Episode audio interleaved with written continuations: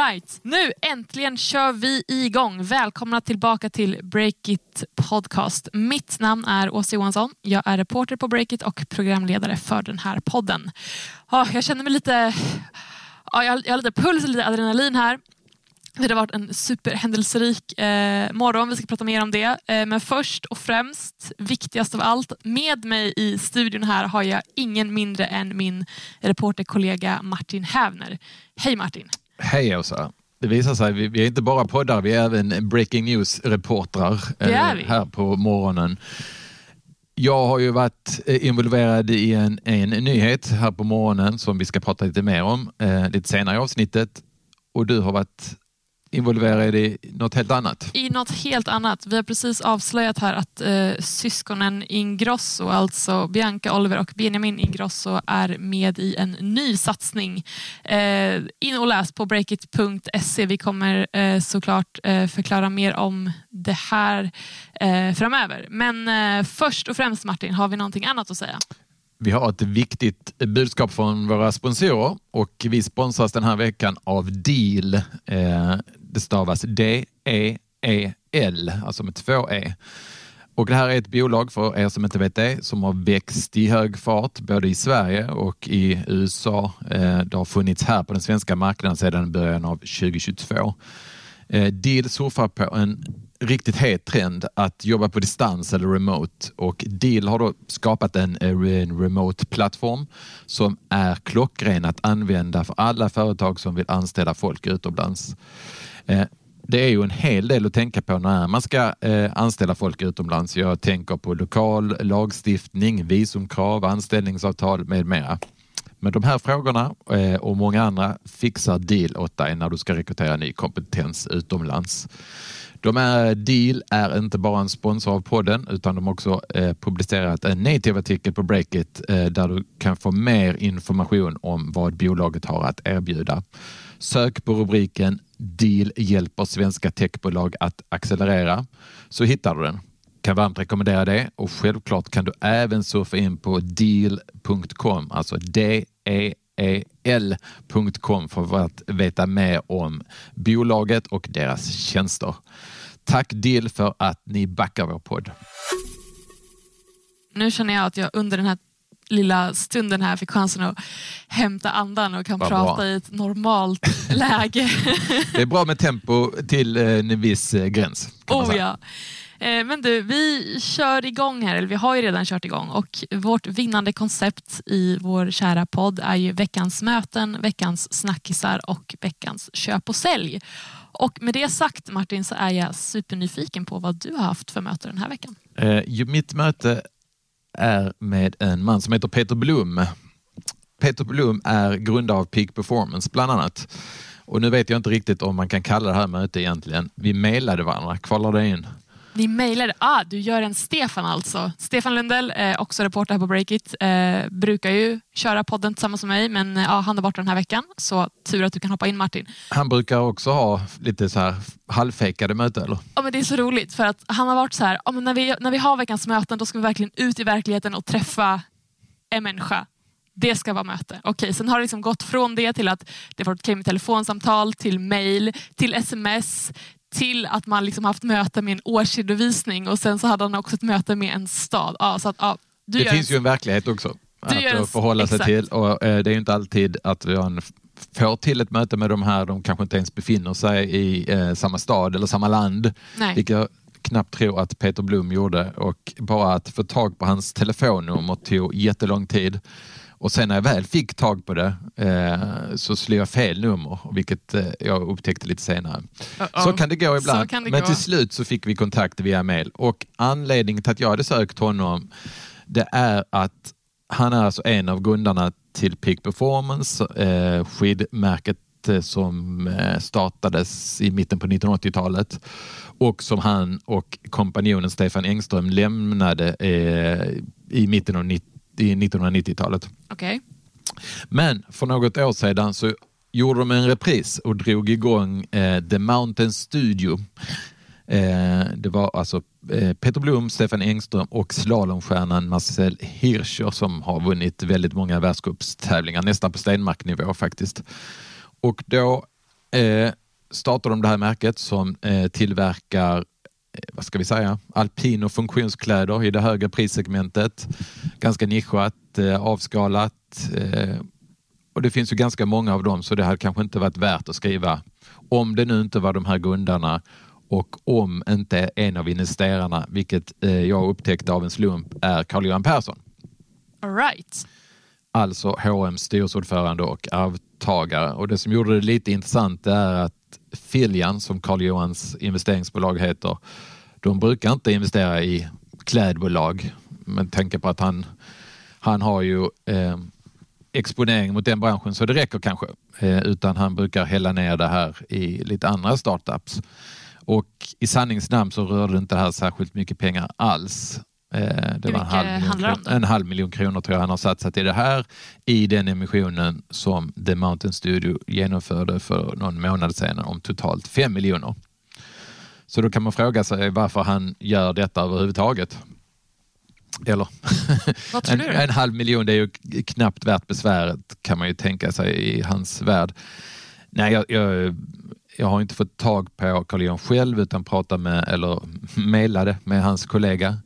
Eh, och eh, jag tror egentligen om man läser mellan raderna så är det de affärsmässiga skälen spelar knappt någon roll här. Det här handlar om att det här är gamla kompisar, Peak Performance-grundarna är gamla kompisar till Carl Johan och tydligen ska Carl Johan Persson och Stefan Engström eh, känna varandra via skidorna.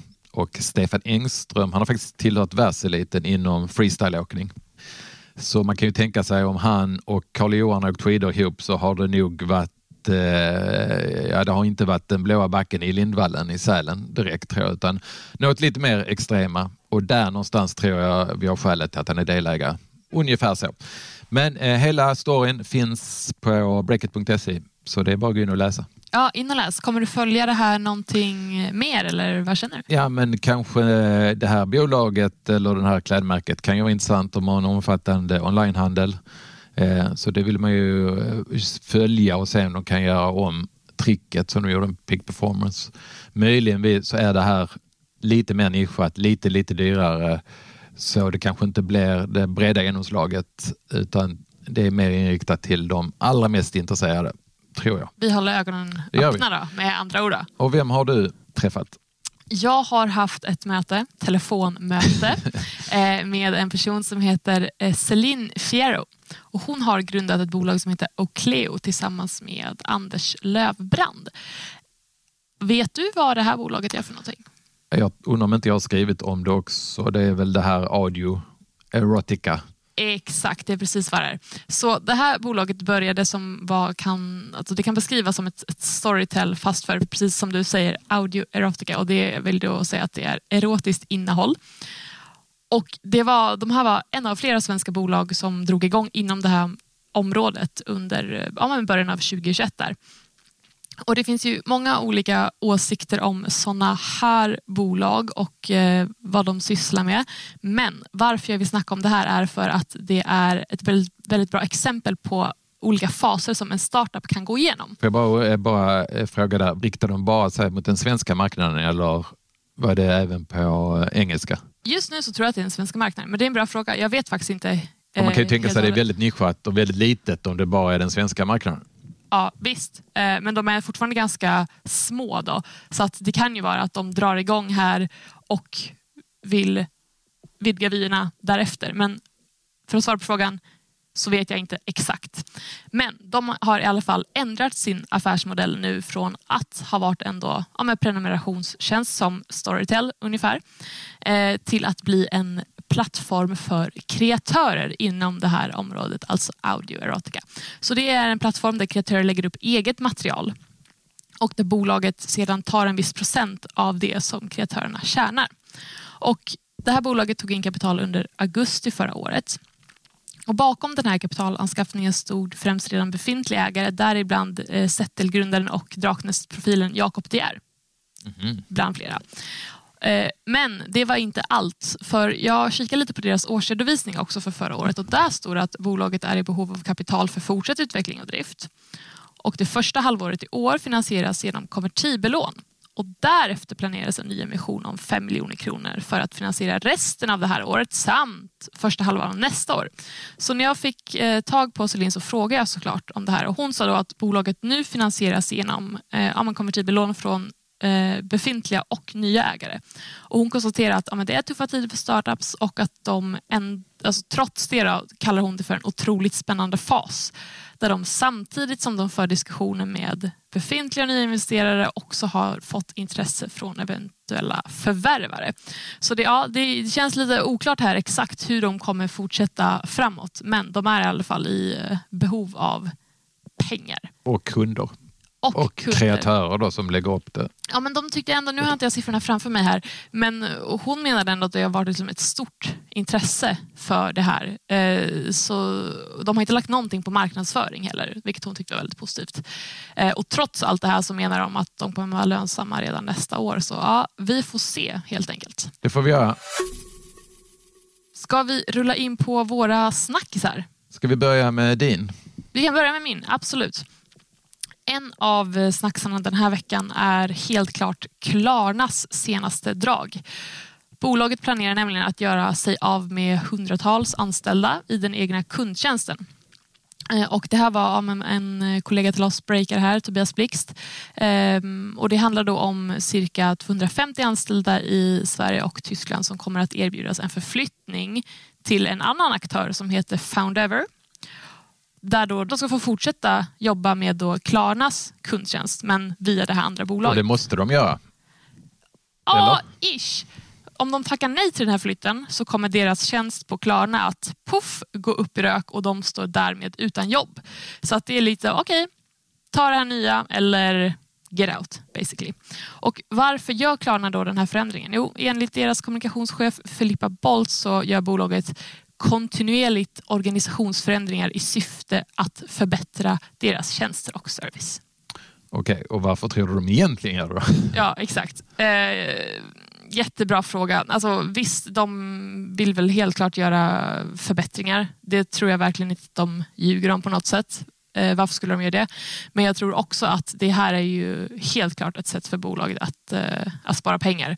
Och vi har ju sett det här inom Klarna, alltså det senaste året. I maj förra året så ja, men då meddelar ju vd Sebastian Sematkowski att 10% av arbetsstyrkan får gå. Det motsvarar närmare 700 personer. Eh, och detta då mot bakgrund av den milt sagt frostiga kapitalmarknaden för då, ja, men bolag som Klarna, alltså snabbväxande eh, techbolag med rätt så höga förluster. Just det, Klarna gjorde väl en förlust på 10 miljarder eller något sånt där 2022? Ja, det stämmer och eh, ja, men kan tilläggas där att, att eh, bolagets resa mot lönsamheten pågår med ganska stora steg om vi tittar på rapporten från första kvartalet i år. Men samtidigt så ligger förlusterna fortfarande i miljardklassen på kvartalsbasis. Men då, eh, för att fortsätta på spåret om eh, de kan spara pengar på det här. Och det, alltså, vi har inte fått det bekräftat att Klarna kommer att eh, spara pengar på det här. Men å andra sidan så kan man ju tänka sig att det blir enklare för bolaget att justera hur många de vill eh, ska jobba med kundservice genom att samarbeta då med en extern aktör. Så på så sätt så absolut så kommer de att, att dra ner på kostnaderna. Det tror jag onekligen. Och vi vet ju att Klarna har fått kritik för sina sätt att minska personalen förr. Det blev eh, väldigt rabalder förra gången de gjorde det. Ja. Är det helt okej okay att göra så här som de gjorde den här gången? Ja, alltså så här. Eh, det kan nog finnas lite olika åsikter om det, men mig vetligen så har anställda på Klarna inget kollektivavtal. Så bolaget behöver ju inte förhandla om att göra en sån här förändring. Och det är ju en risk man tar som anställd om man, om man börjar jobba för ett bolag som inte har eh, kollektivavtal. Men ska sägas också att eh, Klarna erbjuder en bonus till de anställda som är snabba med att hoppa på det här erbjudandet och flytta över till det här andra bolaget Foundever. Um, men samtidigt så är det, så, det är klart inte är kul att få det beskedet från sin arbetsgivare att nu får du byta bolag även om du får en liten bonus. Jag vet inte hur mycket det är. Eller så står man helt utan inkomst. Så nej. alltså... Nej, jag... känner vi med, med de drabbade givetvis. Eh, jag vet ju också att Klarnas VD, han har eh, talar ofta sig väldigt gott om eh, artificiell intelligens, AI-reset. Kan det på något sätt ha med saken att göra? Ja, ja, gud ja. Precis som du säger så har ju eh, Sebastian Siemiatkowski ja, men, fallit lite pladask för AI. I somras så skrev jag om att han själv säger att eh, när han kommer till jobbet så fokuserar han enbart på hur AI kan hjälpa dem att nej, förverkliga deras vision snabbare.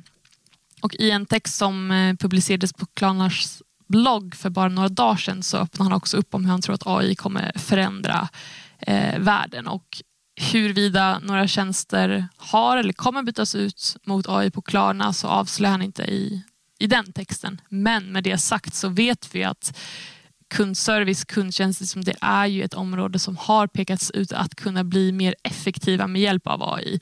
Eh, alltså att bolag använder en AI-baserad kundtjänst eller chatbot istället för, för en människa. Då. Så att, det är inte bekräftat att Klarna kommer göra det. Ehm, det är det verkligen inte. Men jag skulle inte bli förvånad om det är det som är planen Nej. i det här. Det ska bli intressant att följa och det ska också bli intressant att följa ur ett annat hänseende för att jag tror jag har hört från några e-handlare att de är ganska irriterade på Klarna i Sverige för att det är svårt att få kontakt med dem, svårt att få hjälp och sådär. Okej. Okay. Eh, och ur detta perspektivet, om de nu kommer möta en eh, chattrobot eller vad det nu är i framtiden, hur, eh, tanken är ju att, att den ska kunna bli bättre och ge bättre svar än vad en människa kan. Men ibland vet du hur man är, man vill prata med en människa, man vill höra vad som är på gång, vad händer med ja. mitt ärende och så vidare. Absolut. Så det ska bli intressant att följa ur många perspektiv. Helt klart. Men du, jag tycker att vi går in på nästa snackis som är ja, en grej som du har jobbat med nu under morgonen. Ja, precis. Jag såg faktiskt nu när vi pratade om Klarna så kom eh, notisen från vår app. Eh, det handlar om en av de två största paddelbolagen i Sverige, PDL Paddle United. Eh, vi har ju följt paddens uppgång och fall här på Breakit Eh, för att det är så många eh, profiler i vår värld som har satsat pengar i det här och gått in ja, på olika sätt. Profiler. Mängder av profiler och mängder av eh, finansaktörer. Bland annat Coeli då, som är den stora finansiären bakom PDL Padel United. Ni känner till bakgrunden. Det var jättehypat. Eh, Före eh, pandemin och framförallt under pandemin. Många startade nya anläggningar, nya hallar. Spelandet började gå ner, svalna rejält. Samtidigt så hade många anläggningar öppnat och det blev en överetablering. Och många har haft det tufft. Vi har skrivit mängder av texter av rekonstruktioner och konkurser.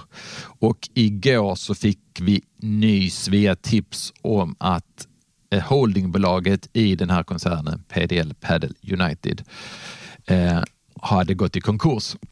Så jag slängde mig på telefonen och försökte få ut de här handlingarna från Stockholms tingsrätt när de öppnade i morse klockan åtta. Då. Och det stämde, men det var faktiskt en sanning med modifikation kan man säga. Jaha, okej. Okay. Vad menar du med det? Nej, men det var så här. Jag fick prata med Lukas Linkvist som är VD på Coeli Investment som är en av de här aktörerna som har ägt väldigt mycket aktier i det här havererade bolaget att det som har hänt är att långivaren som heter Capital 4 som är en dansk firma som har lånat ut eh, pengar till den här gruppen väldigt länge. De har realiserat sin pant. De har tagit över de säkerheter som gavs i samband med att det här lånet tecknades. Okay. Ungefär som att ta över en fastighet eller en lån eller hus om inte du hade kunnat betala dina bostadslån så är det det att de har tagit över nycklarna till de här padelhallarna. Okej, okay, men vad händer nu då? Vad händer med alla de här hallarna? Det är en jättebra fråga. Eh, nu kommer den här danska lånefirman Capital 4 driva vidare det som går att drivas vidare. Exakt vad, vilka hallar det är och så vidare, det återstår väl att se. Eh, saken kompliceras även att många av dotterbolagen redan befinner sig i en rekonstruktion. Och där är det rekonstruktören ah. som ska bestämma vad som är bästa vägen för att Snårigt. nå någon slags... Ah. Det är jättesnårigt. Vi får se vad som händer. Detta var nästa kapitel i en ganska utdragen dödsprocess om man får säga så. Eh, det enda som är riktigt klart är att ägarna till det här förlorar sina pengar. Eh, Coeli vill inte säga hur många miljoner det är, men det är ett antal hundra miljoner. I ägarkretsen finns också eh, artisten Måns Zelmerlöw, det gamla tennisproffset eh, Jonas Björkman De grundade den ena delen av den här eh, vad ska vi säga, koncernen, den som eh, heter PDL, som var ett bolag som grundades 2015 tror jag det är. Och då grundade de, sen i samband med sammanslagningen med Padel United så cashade de ut en del pengar. Så jag skulle tro att som Stefan Lundell brukar säga, vår kära kollega, att de kan nog hålla svälten från, från dörren även den här vintern. Eh, men andra ägare som förlorar pengar är ett bolag som heter Racket Holdco och det är knutet till Fidelio Capital, vilket i sin tur är knutet till Katarina Martinsson, som i sin tur är dotter till Fredrik Lundberg, en av Sveriges rikaste människor. Det är många led Det är här. många led, alltså. det är många ägare. Eh, Per Sigvardsson eh, som har VD har också varit storägare. Jag har smsat kort med honom på morgonen. Han beklagar, han har lämnat bolaget och säger verkligen att de har gjort allt vad de kan. Sen får man också säga lite kudos till Lukas Lindqvist på Coeli som trots de här jätteförlusterna och detta är ju inte alls någon bra reklam för Coeli. Han ställer upp eh, på intervju på morgonen och tar frågor rakryggat. Det ska han ha heder av tycker jag. Oh ja, verkligen. Men du har, alltså, du har ju skrivit mycket om paddel och investeringar i paddel och profilerna som verkligen har hällt ner pengar i allt vad paddel heter, hallar och så vidare nu, ja, men sen de senaste säg, två åren. Mm. Vad tror du nu kommer hända med investeringar? Kommer man inte investera alls i paddel längre eller är det, är det liksom tack och godnatt? Nej, det är väl inte riktigt tack och godnatt. Det- Men jag tror att padden kommer väl hamna på ungefär samma nivå som badminton eller eh, squash eller vad som helst. Det finns ju egentligen inget som talar för att det skulle vara så extremt mycket större än andra racketsporter. Eh, så att hallarna kommer ju bli betydligt färre än vad de är idag. Man får väl åka in till storstan och, och eh, spela om man vill det om man bor på landsbygden. Så tror jag det kommer vara om några år. Tyvärr. Hur går det med ditt paddelspelande? Eh, jag är så genomsnittlig så jag följer den allmänna trenden. Jag spelar väldigt mycket förr, spelar betydligt mycket mindre nu. Varför det blir så det kan jag inte riktigt eh, svara på. Det blev som det blev. Det blev som det blev. är som det är, helt Ja. enkelt. Bra sammanfattat. Men ja, det kommer säkert fler eh, nyheter och det här ska vi följa ända in i mål. Men vi går vidare i programmet tycker jag. Vi går vidare i programmet. Vi går in på köp och sälj. Vill du börja? Ska jag börja? Nej, men jag kan börja. Hugg in. Vi fortsätter på sportspåret nämligen. Ja, få höra. Eh, min veckans köp är eh, Every Sport som är ett litet bolag som är noterat på Spotlight. I veckan kom eh, nyheten att de säljer flera av sina sportsajter. Fotboll Direkt, Svenska fans eh, bland annat ingår i den här gruppen då som säljs. De säljer de här eh, sajterna för 45 miljoner kronor vilket jag tycker är ganska bra betalt. Eh, och särskilt om man då ställer det i relation till börsvärdet som eh, Everysport hade innan affären blev känd. Det låg på 70 miljoner så det var ganska stor del av börsvärdet. Eh, och de här sajterna stod bara för 15 procent av omsättningen. Eh, så man förstår varför aktiemarknaden handlade upp den här aktien betydligt när eh, nyheten eh, kom ut. Jag tror det var tisdags morgon. Va? För nu får Everysport också då mycket mer resurser att satsa på andra verksamheter, de som, verksamheter som blir kvar. Eh, däribland eh, Elite Prospect som vår kollega Emil har skrivit om. Det är en databas med alla världens hockeyspelare i. Typ. Oj, oj, oj.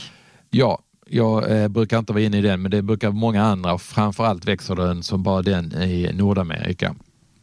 Och då kan de ta en del av de här pengarna och satsa mer på det, så det är lovande.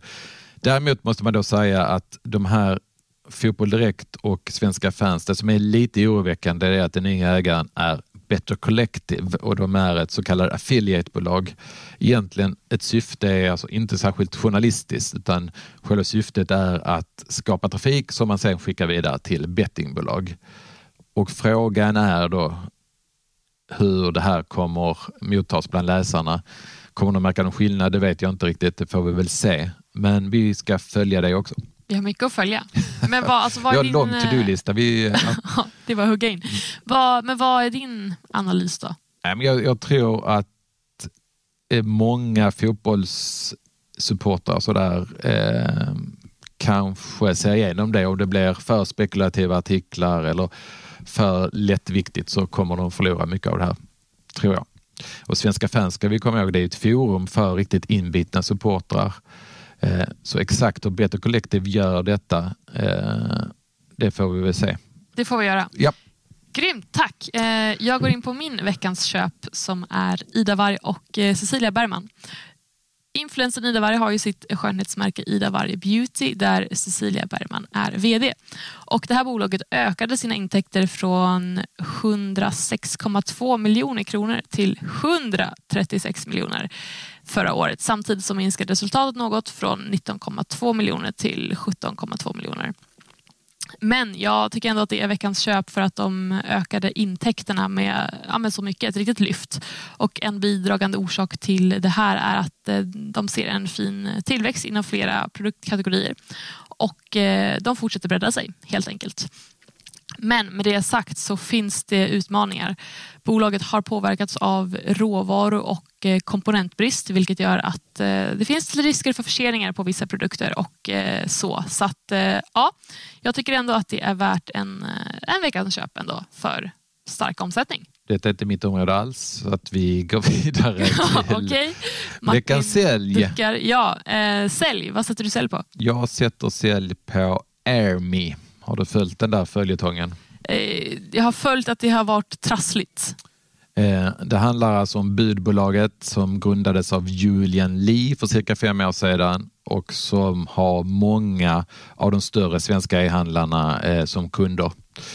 Bolaget har nu granskats av både DI och tidningen Arbetaren och enligt samstämmiga uppgifter så har bolaget anlitat underleverantörer med mycket tveksamt eh, leverne kan man säga. Det finns indikationer på att de medvetet har kört bolag i konkurs och startat upp nya parallellt. Eh, att de har betalat ut svarta löner och dessutom så går Airmis bilar på diesel, inte alls som på el som bolaget har utlovat i sin marknadsföring okay. och så vidare. Så där finns många skäl att ta fram eh, säljstämpeln.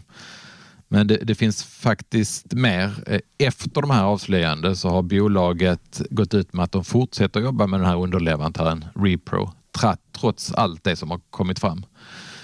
Anmärkningsvärt är också, tycker jag, då, att Julian Lee som har varit VD, affischnamn för det här bolaget, han ställer inte upp på intervju. Han bemöter inte de här uppgifterna utan han skickar fram ett par underhuggare. För mig är det samma sak som att säga att allt det här är sant om inte han kan bemöta det. Eh, jag tycker han har ett stort ansvar som VD och grundare att, att ställa upp i de här sammanhangen. Inte bara när det är medvind, inte bara när det är kapitalrunda utan även när sammanhanget kanske inte är så smickrande. Nej, det här luktar inte alls gott. Jag håller helt med på din säljsignal där och man tycker absolut att han borde ta en intervju. Med det sagt så fattar man ju ändå att han duckar. Plus att de har ju tagit in en ny VD, eller ska ta in en ny VD, eller hur? Jag, tycker, jag tror att eh, de har rekryterat, eh, nu har jag glömt hennes namn tyvärr, eh, hon har varit operativ chef sen tidigare har jag för mig. Jag säger detta med viss reservation. Så de har rekryterat internt. Julen Lee är inte längre nu VD utan han hoppar av i, faktiskt samtidigt som de här avslöjandena kom. Men det hade inte med saken att göra. I bolagets version det här vd-bytet har då planerats sedan eh, flera veckor och månader tillbaka. Det är deras version i alla fall. Det är kanske också därför han inte tycker att han vill svara eller inte behöver svara på några frågor och hon heter i alla fall eh, Elin Morales Herrén. Tack för att du kollade upp det. Så ja, vi får väl se om vi får några svar från hennes håll istället i allt det här. Din veckans sälj då? Ja, alltså, oh, det blir en himla rapp veckans sälj från mig för jag orkar inte ens prata om de här två knappt. Men vi gör det ändå. Elon Musk och Mark Zuckerberg, vad är det som händer med det här bizarra bråket som inte tycks sluta? Det är ju då Mark Zuckerberg, Metas eh, VD och eh, grundare och sen så har vi då Elon Musk. Ja, vi behöver ju egentligen inte presentera de här två herrarna men Elon Musk är i alla fall toppchef för Tesla, SpaceX och eh, X, alltså tidigare Twitter. Och det har ju snackats ett tag nu om att de här två ska fightas, alltså ställa sig i någon form av MMA eh, bur eller vad det kallas och faktiskt slåss. Och eh, hur engagerad omvärlden är i detta eh, så kallade mästarmöte då, som det har beskrivits som, är, ja, det är lite oklart. Eh, men man har ändå fått ganska mycket inblick i att ja, men det finns något tjafs mellan de här två.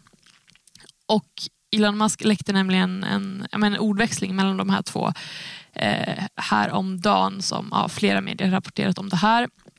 Men i ett sms skrev i alla fall Mark Zuckerberg om den här planerade MMA-fighten att ja, men han vill inte fortsätta hypa upp någonting som inte kommer hända så antingen så vill han då att de ska göra det här eller så bara släppa det och gå vidare. Och ja, Det finns så mycket att säga om det här men jag förstår inte varför ska man hålla på? Alltså, va? Och varför ska vi i media hänga på? Men, men det är alltså, för det att det, blir- det är det så blir- sjukt, det säger så mycket om vår samtid. Nej, men vad är det för spektakel? Det är så här... äh, Ja, det är grabbigare än grabbigt. Men tänk om, tänk om de skulle ställa sig här och den ena faktiskt blir skadad på riktigt. Ja, jag hade velat titta. Ja, alltså, men alltså man, man tänker ju så här, alltså om de skulle göra det här för att dra en publik, för att man ska typ få in pengar som ska gå till ett gott ändamål. Men det blir också så här helt bisarrt för de här två herrarna har ju hur mycket cash som helst också. Men det kommer inte hända. Tyvärr. Ja, jag vet inte. Men bråket kommer fortsätta. Tjafset kommer fortsätta. Om det nu är stageat eller vad det är, det, vet, det kan man ju bara spekulera i. Sälj på de två i alla fall. Det, det kan vi vara överens om. Det är vi överens om. Bra. Eh, finns det någonting mer att säga Martin? Jag tror att vi har gått igenom detta och lugnat ner oss efterhand. Nu får vi lämna poddstudion och gå ut och breaka fler nyheter. Det får vi göra och för alla nyfikna såklart så skriver vi om Ingrosso-syskonens nya satsning på breakit.se så in och läs där. Och såklart, kom med ris och ros till oss. Eh, Jag blir alltid hur glad som helst när jag får mejl från er kära lyssnare. Mig når ni på asa.breakit.se. Och mig når ni på martin.breakit.se. Grymt. Då säger vi så. Ha det bra! Ha det bra.